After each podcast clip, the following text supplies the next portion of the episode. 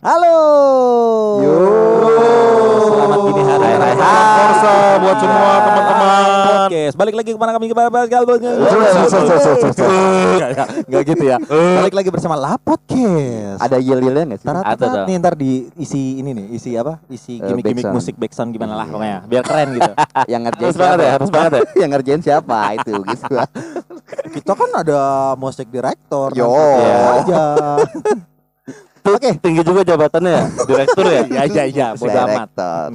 Hari ini itu kita ngebahas tentang si Jamet, sedikit belajar medis. Yo. Yoi, keren kan? Ini episode kita kedua ya untuk si Jamet. Betul. Sejamet kedua. Si Yang, Jamet yang kedua. nunggu-nunggu ya. Yang nunggu-nunggu Kemarin tuh- ada DM DM ke gua ada sekitar dua lah. Itu tipe apa, Leng? Tipe apa? Apanya? DM? Oh, Aduh, diabetes, aduh, aduh. diabetes. Retinopati. Lu duluan tadi bisa ya? Iya. Pencet- tombol dulu. Telat li. Tet. Oke, si Jamet kali ini kita akan eh, membahas tentang kelainan trombosit. Apa aja sih kelainan-kelainan dari trombosit, Iya, betul. penyakitnya, segala macamnya. Pokoknya kita kupas secara sotoy-sotoyan kita balik lagi. Iya. Iya. Jadi kalau ada yang mau ngasih argumentasi, silakan komen di eh, Instagram kita ada di lapodcast.atlm. Silakan Iya. di komen di DM kalau memang ada yang kurang serak. Yang kata-kata dari si Lapodcast yang orang ini salah loh, statementnya harusnya seperti ini. Oh, Silakan. silakan kami, Kami terima. sangat terbuka sekali. Kalau ada yang mau ngata-ngatain kita, silahkan Iya, juga. kami blok nanti. Enggak gitu Karena konsepnya. karena negara ini juga kan negara demokrasi. Betul. Jadi terserah gue. enggak gitu. Iya, ah, juga iya bener. iya bener lah, terserah gue juga dong. Nah, iya, kan negara Salah sih, demokrasi. Kita bisa mulai nggak nih? Oke, lanjut. Eh, Oh, balik lagi. Oh, Ya. galak banget ya. Kesel gue kadang-kadang. Di sini masih ada dengan Adeng Panca ya dan di sebelah kiri saya ada Iya, saya Andi Namika. Saya Gali Geran. Saya Imam S Arifin. Penjual cendol depannya. kelihatan ya referensinya ya. Oke, dengan Yogi di sini. Eh, perkenalan dulu trombosit itu apa sih? Oke, jadi sebelum kita bahas trombosit kita harus tahu dulu asal usulnya trombosit, ya kan? Ya. Nah, Bapaknya siapa? Lahir gitu di kan. mana? jadi kan dari mana? eh, Siapa yang lahir ya? Masih lucu loh dia loh. pertanyaannya bidanya siapa? Padahal udah delay ya. Mm-mm. Trombosit ini kan asalnya kan dari eh, mata turun ke hati ya. Dari matamu, matamu. Oke, jadi eh, kita sama-sama tahu kalau trombosit itu berasal dari pecahan dari sitoplasma megakaryosit. Nah, jadi sedikit kita kopek karena kalau kupas terlalu Dalam. ba- bagus ya kan karena Kletek kita- bang, kletek. Kletek, kayak pinggiran koreng kan? Dikletekin. mungkin beberapa teman-teman di lab sering menjumpai misalnya gini sampel setelah dia sampling kemudian dia eh, ukur darahnya gitu ya ternyata trombositnya sangat rendah nih Mm-mm. di bawah 20 banyak tuh pasti. tapi pasiennya masih santai-santai sehat-sehat kayak nggak ada masalah apa-apa Ya, Iya, iya, iya. Gimana tuh, Bang? mana dulu nih yang disalahin alatnya atau pasiennya Kita biasa nyalahin eh, teknisinya. Hampir gua mau ngomong kita salahin. Ah, Tidak berani. pertama yang kita pasti kan kita pertama Jokowi nomor kan? satu, Jokowi nomor satu. Prabowo nomor dua. iya iya iya iya Pilpres kemarin. saya mau belokin takut pak nah sebelum kita claiming bahwa alat error gitu ya coba perhatikan dulu ini yang terganggu satu pasien atau semuanya kan gitu Ya, betul. Nah, kalau memang semua pasien trombositnya di bawah 50 semua mungkin ya alat ya Baru bisa dicurigai di Ah, alat. betul. Ada pengaruh besar ya Nah, untuk hasil. tapi kalau itu. ternyata si pasien itu doang yang ya udah karena kita harus tahu dulu pertama trombosit ini memang CV-nya lebar CV-nya besar Hmm. Jadi hasil pengukuran di lab A dan di lab B bisa aja terpaut angkanya cukup lumayan. Pada Oke. trombosit perbedaan 20.000 atau 25.000 itu eh, terkadang masih dalam batas toleransi. Iya iya. iya. Misalnya di eh, lab A 180, di lab B 200 itu masih dalam batas toleransi. Mm-mm. Oke. Tapi yang pusing kan kalau di eh, garis bawah ya. Wah, batas bawah ya. Kalau kalau daya ambang batas nanti itu beda konteks. Yang mau gue bahas sekarang Hmm. ini ada dua jenis kelainan pada trombosit. Oke. yang sering umumnya muncul. Ya. Yang pertama yang namanya pseudo trombositosis. Pseudotrombositosis. Oke, disimak ya pendengar ya pseudo trombositosis. Nah, Nah, jadi pseudo trombositosis ini kan kondisinya di mana trombositnya jadi tinggi palsu. Betul betul. oke.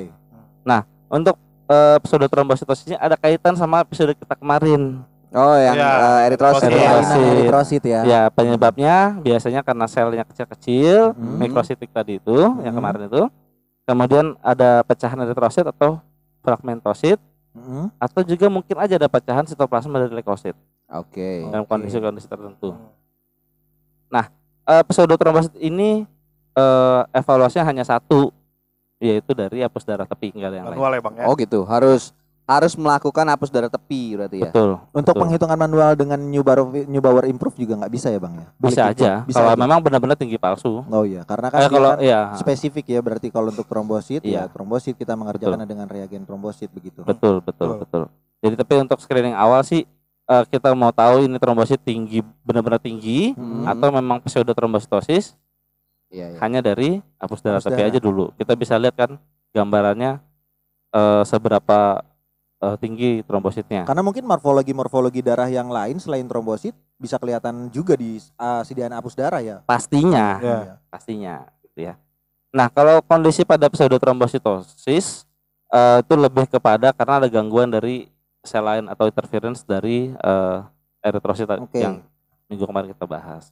Nah, tapi kalau yang cukup rumit biasanya karena yang rendah palsu nih atau pseudotrombositopenia. Iya, ini ini, yang- eh, justru jadi jadi kendala. Lah. Masa semua pasien kita anggap DBD enggak juga, Enggak enggak hanya juga. Kadang dari preanalitik juga ngaruh ya bang ya. sangat pengaruh ya.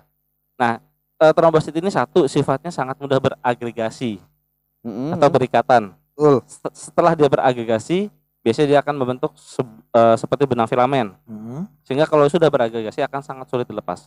Oh, Oke, apa- binding gitu jadinya ya. Iya, Dari sel gitu ya. satu dengan Iya. yang lain. Betul. Nah, itu kalau segelondong begitu masuk ke alat, dia akan terbaca mungkin sebagai leukosit atau sebagai eritrosit Karena Karena alat menghitung berdasarkan ukuran. size ya. berdasarkan size. Iya. Nah, yang segerombol tadi itu kumpul dibaca alat hitung satu. Bisa saja dia tetap sebagai trombosit terhitungnya. Mm-mm. Tapi misalkan lima tapi hitungnya cuma satu. Itu kan jadi pseudotrombositosis. Oh iya pasti Ya. pasti rendah ya terhitungnya. Ya. Berarti Jadi interpretasi hasilnya juga pasti berbeda ya. Ya? berbeda. Jadi eh, pseudotrombositopenia yang pertama itu adalah platelet clamp atau trombosit yang beragregasi. Itu yang tadi kita jelasin ya. Itu bisa kita antisipasi dengan homogenisasi sampel yang bagus. Oh gitu. Oke. Jadi pada saat selesai kita ambil darah, nah tabung itu kita harus benar-benar melakukan homogenisasi yang bagus antara darah dengan antikoagulan. Ya, penggunaan antikoagulannya gimana itu, Bang? Umumnya memang EDTA, ya. K2 atau K3 umumnya oke, itu. Jadi kalau kita ketemu trombosit rendah, lakukan dua hapus darah, beneran rendah atau tadi agregasi atau banyak trombosit yang Klam. clamping. Iya. Kalau banyak yang clamping, lakukan ambil ulang. Pengambilan darah ulang. Ya. Kalau Dengan tetap- homogenisasi yang dengan homogenisasi lebih yang baik, ya. Lebih baik. Kalau tetap clamping, Mm-mm. nah ini Kalau kita juga harus hati-hati juga nih. Kadang-kadang bukan clamping malah, tapi dia ada yang namanya platelet reactive antibodies, di mana trombositnya Mhm. eh, banyak orang bilang istilahnya alergi sama EDTA. Nah, kalau yang kondisi seperti ini, kita harus lakukan dengan antikoagulan enasitrat. Ya. Oh, jadi diganti antikoagulannya Iya. Yang perbandingannya berapa bang? Enasitrat? Iya. Ngetes gue nih mah. kan udah ada tabungnya. Oh, udah ada ya. Tinggal- Gampang. Tinggal masukin aja pakai Iya. tabung paku tener ya bang ya. Jangan EDTL lu masih bubuk. Dimasukin di tabung. Waduh, kapan Lu tahu. pakai DTA apa gula donat? Nakre ngasal lagi ya. Iya. ya, itu satu banding sembilan. Oke. Jadi sembilan. dengan enasitrat trombosit yang memilih apa yang eh, PLT reaktif antibodies itu Mhm. biasanya eh, bisa terbaca di enasitrat. Right. Tapi hati-hati tadi HB-nya karena eh, dengan enasitrat kan eh, pengenceran jadi HB-nya. Ya. Hmm. Jadi harus eh, dilak- eh, dikalikan dengan faktor pengencerannya. Satu banding sembilan. Nah kemudian ada juga yang namanya kondisi ITP, Apa tuh ITP bang? Idiopathic thrombocytopenic purpura. Idiopatik trombositopenic purpura. Apa sih bang? purpuralis. Jadi ini adalah memang kelainan dari eh, sumsum tulang di mana Oke. memang produksi megakaryocytnya terganggu. Ya. Oh gitu. Mau- Siap, Jadi gini, setelah kita ketemu eh trombositopenia, Hmm. Hapus darah, memang benar-benar trombositopenia ya. Mhm. Kemudian coba ambil dengan anasitrat. Iya. Masih trombositopenia. Mm-mm. Ditunjang dengan pemeriksaan eh denggi IgG-IgM. Ya. Dia tidak denggi, dipastikan tidak denggi. Kemudian trombositopenia tetap dengan sitrat trombositopenia juga, Mm-mm. maka harus dilakukan namanya eh, biopsi sumsum tulang. Oke. Beb- Karena ada kemungkinan dia adalah penderita ITP tadi. Kan paling gampangnya kan kalau trombosit itu rendah, kita Heeh. langsung mendiagnosis wah ini DBD nih. Ternyata Iya. ada pengaruh lain ya. Iya, Ya. banyak sekali. Ada kondisi lain, meskipun dikasih terapi cairan terus segala macam, nggak naik-naik tuh trombosit gitu kan? Karena memang bukan DBD. yang ada kembung tar. Terapi cairan itu diminum? Enggak, Enggak dong, Oh. enggak dong. Enggak diminum ya? Kondisi ITP ini kita harus dibuktikan dengan yang namanya eh, BMP Hmm. atau absa- Bone marrow. bone marrow puncture atau dengan biopsi sumsum tulang. Nanti di situ kelihatan eh, megakaryocytnya terganggu. Memang jumlah sedikit. Oke. Gitu. Agak berat kayaknya ya hari ini pembahasannya ya.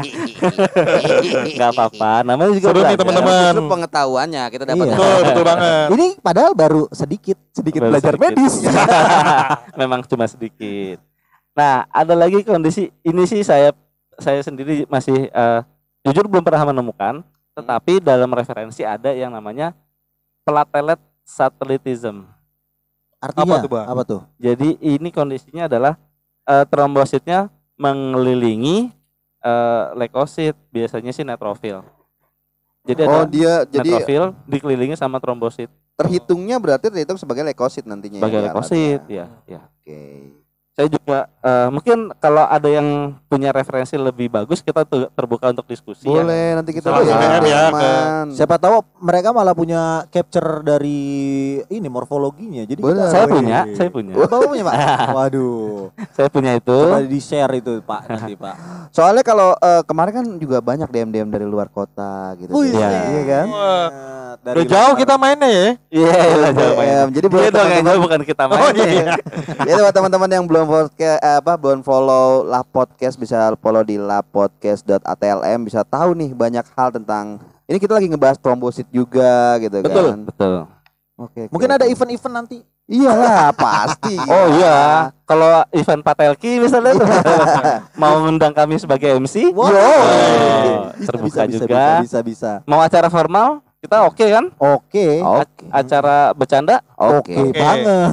karena Eh, kami ini Wadimor apaan? Apa tuh, Bang? resmi bisa, santai bisa. Aduh. Balik lagi ke topik. Belok mulu nih kali ini rese bang.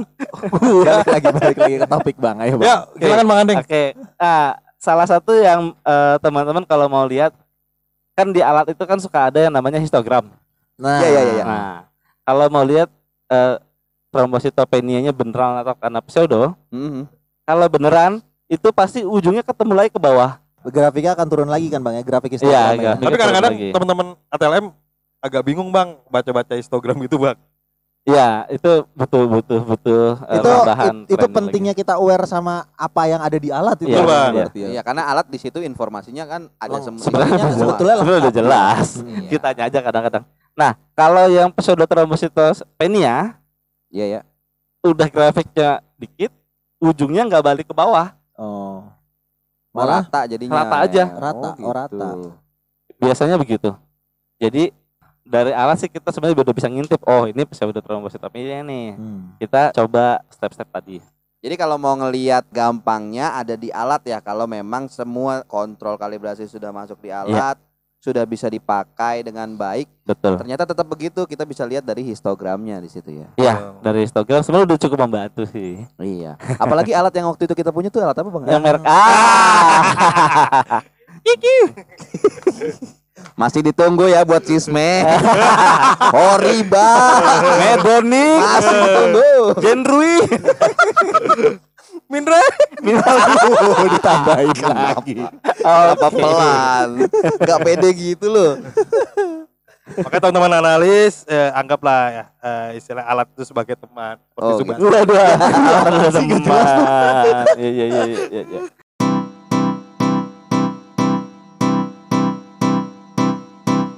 Nah, oke karena trombosit kan cuma sedikit ya tadi pembahasannya. Yap. Kira-kira dari teman-teman yang di sini mau nanya-nanya nggak nih? Gitu. Apa ya sih Bang kalau gua sih nggak ada pertanyaan, mungkin Galih nih yang banyak pertanyaan. Iya, enak emang. Kelihatan mukanya pada bingung banget gitu. Oke. Bingung tuh kayak apa ya? Gini bang, eh, Oke. gua ada eh, pengalaman ya karena dulu kerja di tempat rumah sakit, Iya iya. kayak iya. rumah sakit khusus yang C-nya banyak. ya. Yang C-nya banyak. Yang C-nya banyak tuh ya. Yang. Callback nih gua nih. Ya. Kadang-kadang Episode berapa tuh? Lanjut gak nih? Iya iya iya. Gua Bang, balik iya, nih. Bang. Ampun Bang. Ampun Bang. Ambegan banget. Iya, jadi pasien-pasien cancer ya bang yang kadang-kadang kemoterapi itu bisa mempengaruhi eh, trombosit rendah juga bang ya. Oh iya, Betul Iya, nggak bang? Betul betul. Itu tadi kondisi yang namanya produksi dari megakarosit sumsum tulangnya, proses sumsum tulang. Karena mungkin saja ada impact dari obat kemoterapi tadi. Betul. Itu sangat memungkinkan. Oke, Ada lagi nggak bang Ali? nih. Ada ada lagi nggak? Ya kalau Ya. udah itu Ya. prasmanannya udah menunggu.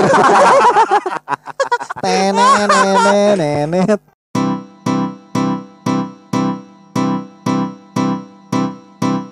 Nggak ada pertanyaan lagi nih.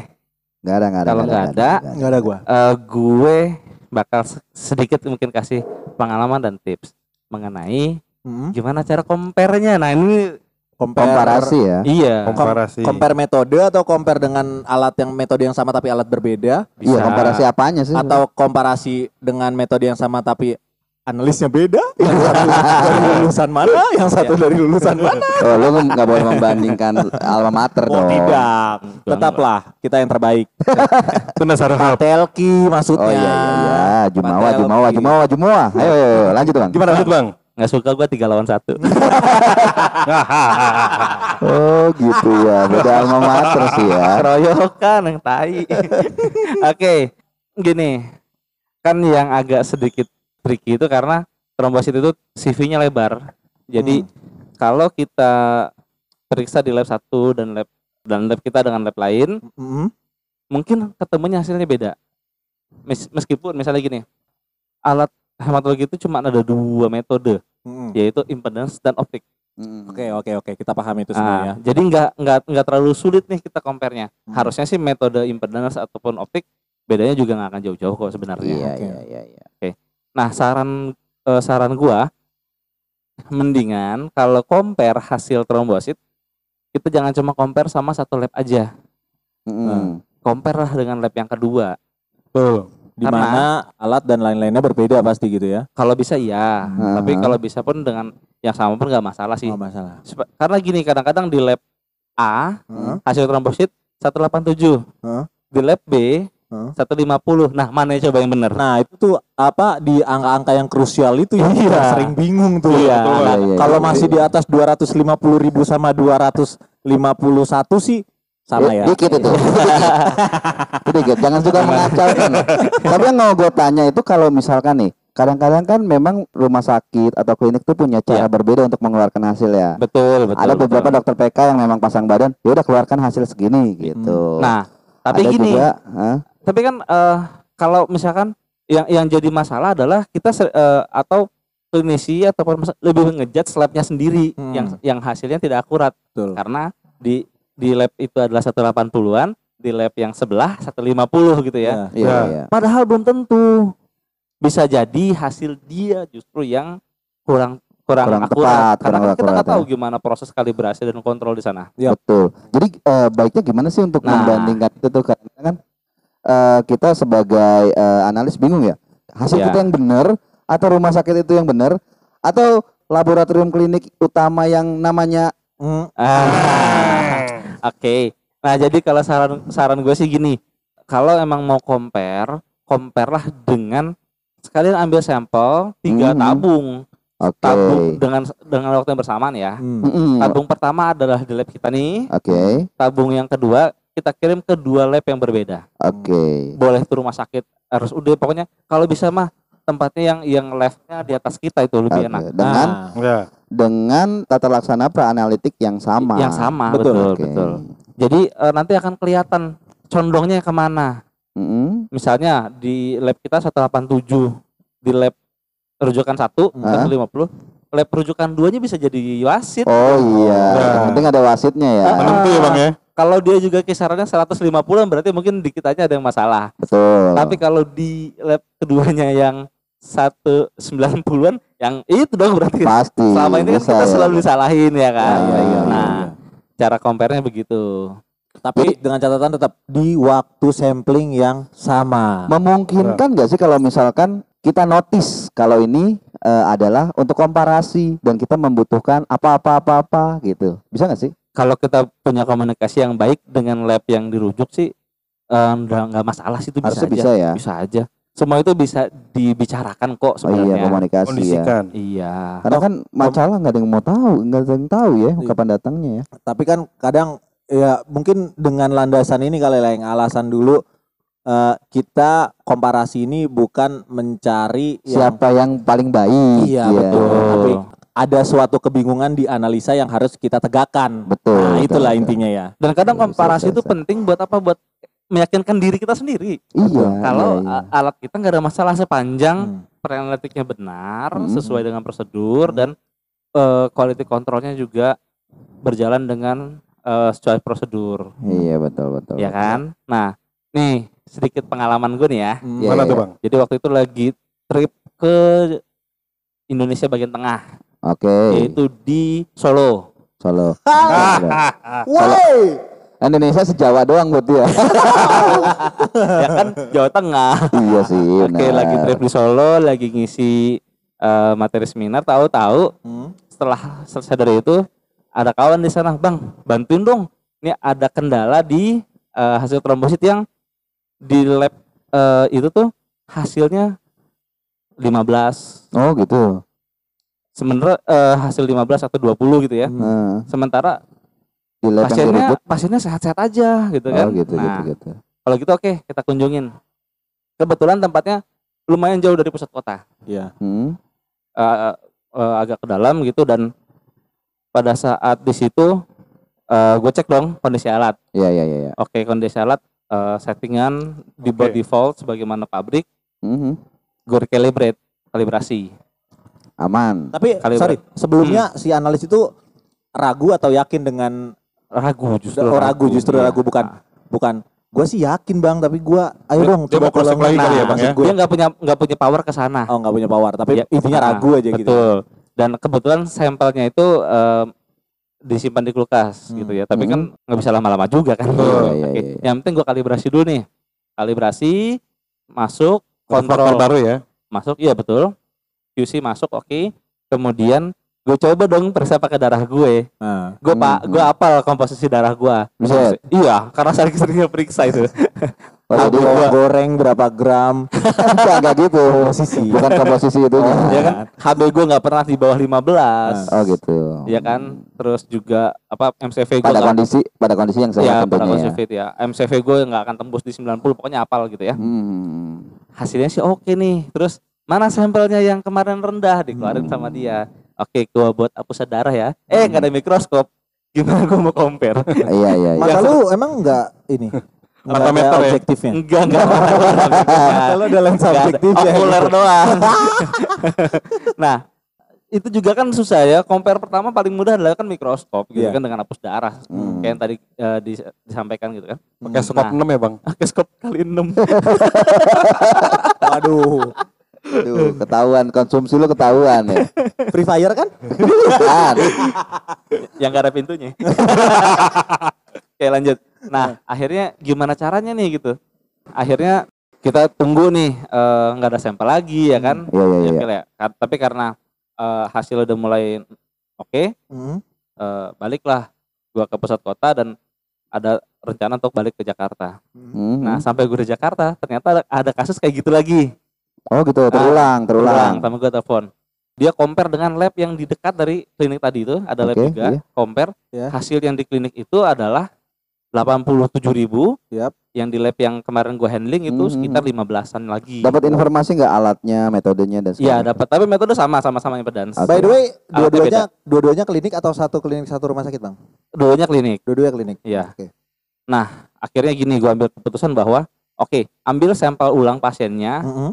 Lalu periksalah di lab yang eh, lebih bagus gitu yang Hmm, kredibilitasnya hmm, kita nggak nggak ragukan lagi Ya. bawalah ke Prodia Komparasinya apple to apple ya? Merek dong, Hah? belum di endorse, Bang. ya Iya. enggak kita kan nggak meragukan lagi dong Iya. kredibilitas Oh, iya, betul. Prodia kan Iya, tapi Nah. kalau kalau Prodia mau ngiklan boleh juga. Ya, Tolong ya. Prodia. Prodia tolong ya. nah dibawa ke Prodia dan hasil Prodia lo betul berapa Berapa? dua puluh ribu Oh, berarti enggak. ribu. Berarti lebih mendekati malah ya. lebih mendekati alat yang gue coba perbaiki tadi yang yang yang yang Iya. ternyata lab yang satunya lagi Yang QC-nya nggak jelas malah justru Oh. Ah. QC nggak jelas. Hmm. Kemudian juga ya gua gua singkirkan branding lah harusnya sih beda brand nggak akan beda jauh. Emang Iya, yang lu iya, pakai iya. merek apa bang? Ya. Lu ngomong merek lagi. Jangan, jangan, lagi. Itu kalau analisa gue seru, Bang. Waduh. Sombong gua. Apa gua kata? Alat gua mah bener. Kagak gitu, gak boleh lah. Masalahnya analisnya juga kerja di lab yang itu. Oh, double job. Defense dia terhadap kredibilitas labnya sendiri. Yap. Harusnya kan nggak gitu dong, ya kan? Eh, utama lo di mana nih? iya, iya, iya. Kalau harusnya itu justru jadi jadi jadi jadi Acuan untuk acuan lebih buat dia baik. sendiri iya. bahwa di lab tempat kedua dia kerja Ya ah, kadang-kadang eh sesuai. ya gua nggak tahu ya. Kalau dulu kan juga kadang-kadang yang kalau klinik-klinik kecil gitu Hmm. agak-agak agak-agak apa ya?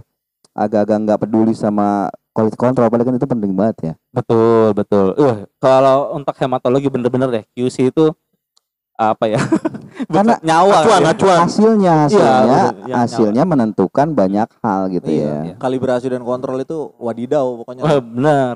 Apalagi sebenarnya sebaiknya pakai tiga level kan untuk Yap, hematologi. betul. Tapi balik lagi ke budget nih. Waduh. Ya iya dong. sih. Iya, iya benar benar. Apalagi misalnya ya maaf. Coba kalau coba kalau budget Bang Pilih kali bisa jalan. Cepet dia mah itu. Jadi gini, Iya. lanjut bang. Jadi Matanya hijau dia kalau itu. matanya hijau kan duit. Aku cinta uang. Nah, paling kalau memang tidak ada budget untuk QC, paling tidak level normal lah. Iyalah, jangan tri level level normalnya Iya. aja gitu ya. Supaya kita tahu bahwa kondisi alat kita tuh benar-benar uh, fit, ready Betul. to use. Betul. Kita mengeluarkan hasil ya tidak ada keraguan. Iya. Bukan cuma buat eh, buat kita, buat pasien juga, buat kredibilitas klinik juga Betul, atau rumah betul. sakit itu Betul. penting Kemudian banget. juga mungkin harus eh, rutin uji presisi setiap enam bulan sekali kalau gue bilang. Betul. Biar Gitu. lihat biasnya Iya, iya, berapa, iya, iya. total errornya berapa ya bang? Iya, lagi kan juga ada ada ini ya, ada ada pemantapan mutu eksternal ya yang disediakan banyak ya, banyak ada pihak ya. PME tapi kadang-kadang lab ini kan pengen tahu nih hasilnya gimana ya. Hmm. Rutin lah enam bulan sekali uji repetisi gitu, uji uji apa namanya Uji presisi. presisi, Iya, iya, iya. satu sampel dengan 10 kali running di hari yang sama gitu kan 10 kali Hmm. running. Silakan dibuat ininya tuh apa namanya eh, statistiknya. Iya, bagannya. Ya. Ya betul. Iya, iya, Biar iya. melihat kualitas Ya. si alat. Biasanya Mas Gali nih yang melakukannya selama Enggak. uji presisi itu Sudah ada tabelnya, tinggal masukin angkanya. Oh, nyontek, nyontek. ya yang buat yang Kan mau tabelnya eh, mau yang mau tabelnya tinggal di DM aja nanti ke IG kita ya. Tapi tidak cuma-cuma tentunya. Paling enggak nomor handphone lah. Iya. uang, aku butuh uang. Tunggu, tunggu. Itu tabel sama grafik gue yang bikin sialan. Iya. Kenapa kalian yang nyari untung? Apa salahnya sih? Kampret, kampret. 60 40 bang. Namanya ada demandnya ya kan. Tapi buat pesan-pesan ke teman-teman eh, apa analis eh, di daerah Bang, kadang-kadang pengambilan darah preanalitik itu kadang-kadang suka kurang sesuai dengan SOP bang. Oh gitu. Dia eh, eh, untuk ukuran tabung darahnya berapa diambilnya cuma satu mili. Kadang-kadang kan pengaruh ke pengenceran ya bang ya. Itu juga pengaruh ke trombosit Bang pastinya. Pasti. Ah, ah, ah, pasti, pasti, pasti, pasti.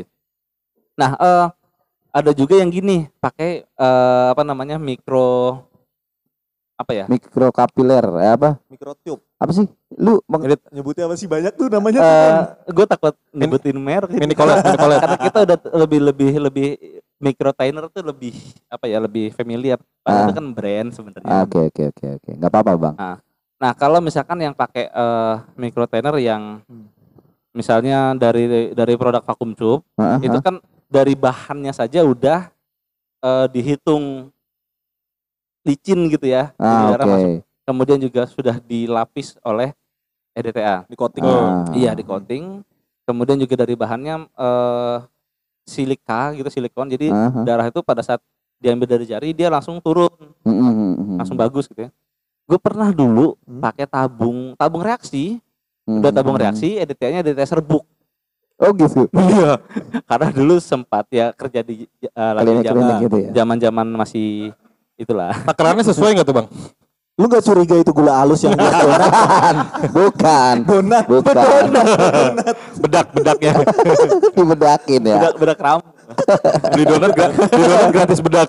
lanjut Bang, lanjut. Nah, itu tuh eh, kelihatan banget ada banyak-banyak banyak ketemu errornya gue pada saat Ah. itu. Karena tabung itu kan eh, tabung kaca ya. Heeh, Tabung kaca darah nggak langsung turun, mhm, malah justru eh, nempel di situ kan. Oh. Harus diketek-ketek biar turun. heeh. Nah, di situ trombosit tuh banyak nempel di dinding. gitu. Oh. Oke. Dengan trombosit banyak nempel di dinding, hasilnya pasti rendah palsu. Oke, Oke, oke, jadi sangat eh, bahan itu juga sangat menentukan sangat ya. pengaruh. Atau kalau memang kita pakai tabung yang kaca itu, Leng, kita bisa bisa kita lapisin pakai kaca film yang buat mobil yang Bukan dong. Bukan. Enggak itu Ayam konsepnya. fikul. Segitu segitu segitu silonya ya. Efek daun talas ya. Kan iya efek daun talas itu loh kaca film yang ser ser ser gitu kalau kena air hujan. Aduh, Wiper. Efek daun talas. Kira-kira itu film apaan bang?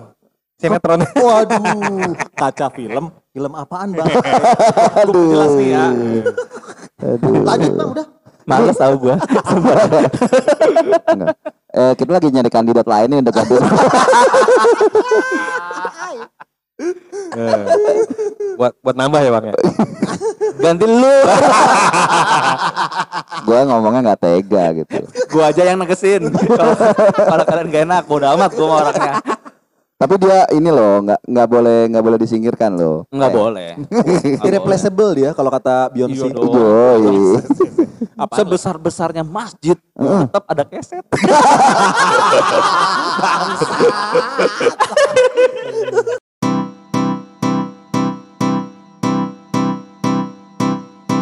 Terima kasih